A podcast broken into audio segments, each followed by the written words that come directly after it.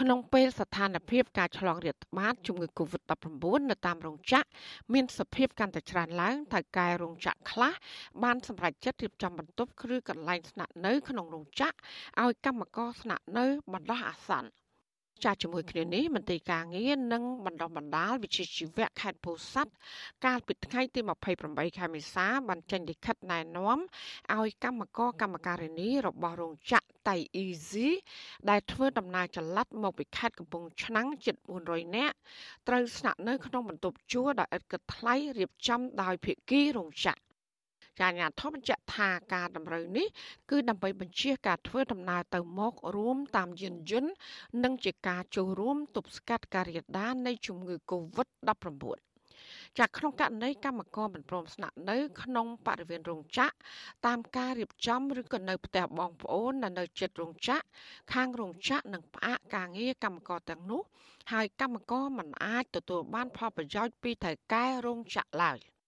ចាប៉ុន្តែកម្មកររោងចក្រនៅខេត្តកំពង់ឆ្នាំងជាច្រើនអ្នកមិនពេញចិត្តនឹងតម្រូវការនេះហើយពួកគាត់សុកចិត្តលាឈប់ពីការងារដើម្បីបានរស់នៅជួបជុំក្រុមគ្រួសារ ចាកម្មការនេះម្នាក់រស់នៅស្រុកបរិបូរខេត្តកំពង់ឆ្នាំងលោកស្រីផលច័ន្ទរងបានដាក់ពាក្យលាឈប់ពីការងារក្រោយដែលមានតម្រូវការឲ្យកម្មករស្នាក់នៅរោងចក្រចាលោកស្រីប្រាប់ប្រសិទ្ធសេរីថាលោកស្រីមានកូនតូច4នាក់និងម្ដាយចាស់ជរាម្នាក់នៅផ្ទះដូច្នេះលោកស្រីមិនអាចស្នាក់នៅក្នុងរោងចក្រតាមតម្រូវការបានឡើយ។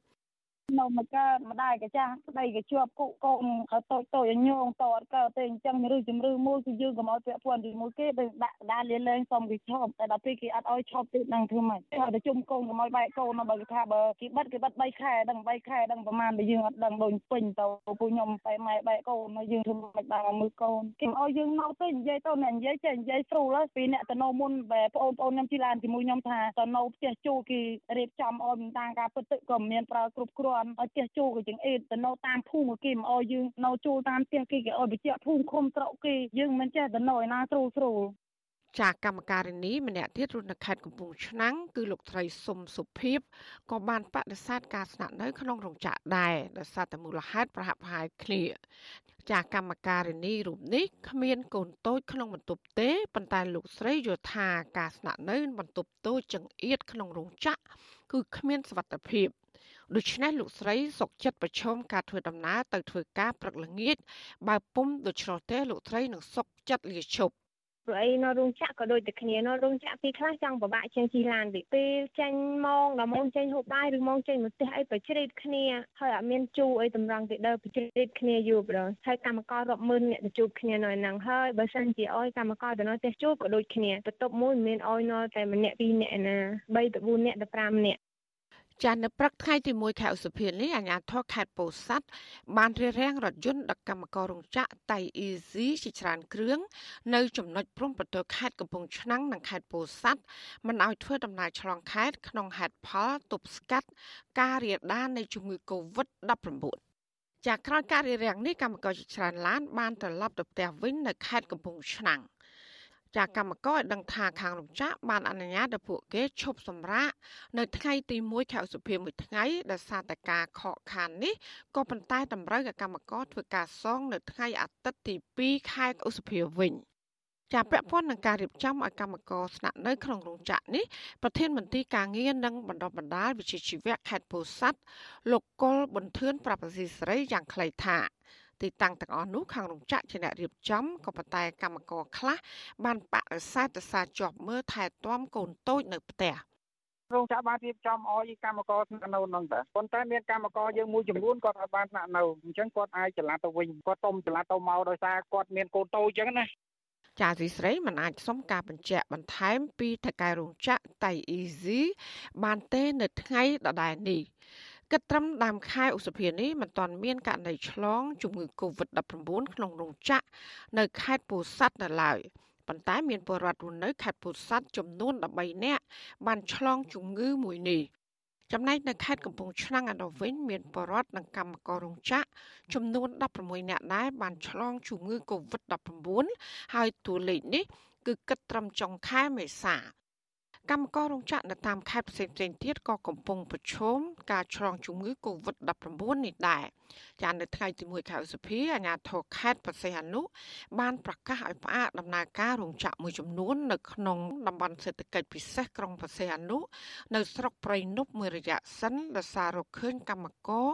មានឆ្លងជំងឺ Covid-19 ជាបន្តបន្ទាប់ ចាកម្មករម្នាក់ធ្វើការនៅក្នុងរោងចក្រមួយនៅស្រុកព្រៃនប់លោកពេជ្រពិសិដ្ឋឲ្យដឹងថាមានកម្មករខ្លះបានដាក់ពាក្យលាឈប់ទៅសារខ្លាចឆ្លងជំងឺនេះចំណែកឯកម្មករផ្សេងទៀតស៊ូទ្រាំទៅធ្វើការទាំងអារម្មណ៍ភ័យខ្លាចដោយសារតែជំពាក់បំណុលធនាគារច្រើន។ ចាកម្មកររូបនេះបារម្ភថាការឆ្លងជំងឺនេះនឹងកើតឡើងក្នុងពេលធ្វើដំណើររួមគ្នាមកធ្វើការពីព្រោះថាកម្មករនៅតែបន្តឈរលើឡានរួមគ្នាទៅនឹងមករោងចក្រដដែលចាលោកពិសិដ្ឋស្នើសុំអាជ្ញាធររកវិធីកាត់បន្ថយហានិភ័យនេះឬក៏អាចផ្ដល់ប្រាក់ឧបត្ថម្ភខ្លះហើយអនុញ្ញាតឲ្យកម្មករឈប់សម្រាកមួយរយៈដើម្បីចូលរួមទប់ស្កាត់ជំងឺ Covid-19 នេះ។ ខ្ញុំគិតថាវាជាវិបត្តិទាំងអស់គ្នាមិនមែនតែវិបត្តិតែក្រុមហ៊ុនឬក៏វិបត្តិតែកម្មករទេតែបើសិនជាគេឲ្យ50%ខ្ញុំគិតថាវាជារឿងមួយដែលជួយចែករំលែកគ្នាហើយបើព្រោះអីគាត់ក៏មានវិបត្តិកម្មករក៏មានវិបត្តិអានេះជាទស្សនៈរបស់ខ្ញុំបងអសីស្រីមិនអាចសុំការបញ្ជាក់ពីអ្នកនាំពាក្យក្រសួងកាងារលោកហេងសួរបាននៅឡើយទេ នៅថ្ងៃទី1ខែឧសភា តែយ៉ាងណាលោកខេងសួរធ្លាប់បង្ហាញក្តីរំពឹងថាកម្មករនឹងមានសុវត្ថិភាពក្រោយពេលដែលបានចាក់វ៉ាក់សាំងបង្ការជំងឺ Covid-19 បានគ្រប់គ្រប់គ្នាចានុប្រធានសហព័ន្ធសហជីពកម្ពុជាអ្នកត្រីមនច័ន្ទណាគាំទ្រចំពោះការរៀបចំទីតាំងដែលមានលក្ខណៈប្រសើរឲ្យកម្មករស្នាក់នៅក្នុងរោងចក្រ ប៉ុន្តែអ្នកត្រីស្នើសុំឲ្យខាងរោងចក្រត្រូវអនុញ្ញាតឲ្យកម្មករដែលមានកូនតូចនិងម្ដាយឪពុកចាស់ជរាបានត្រឡប់ទៅស្នាក់នៅផ្ទះវិញចាសហជីពរូបនេះក៏ជំរុញរដ្ឋាភិបាលនិងថៅកែរោងចក្រឧបត្ថម្ភប្រាក់ឲ្យកម្មករខ្លះដើម្បីផ្អាកដំណើរការរោងចក្រមួយរយៈសិនក្នុងគោលបំណងកាត់បន្ថយការចម្លងជំងឺ Covid-19 កាន់តែច្រើនជាងនេះ។ រោងចក្រមួយចំនួនគាត់ធ្វើហើយហើយអញ្ចឹងណាគឺរោងចក្រឲ្យកម្មករនឹងឈប់ចំនួន14ថ្ងៃតែដូចជាគាត់ផ្ដល់លុយឲ្យចំនួន50%រោងចក្រហ្នឹងគាត់គួរតែ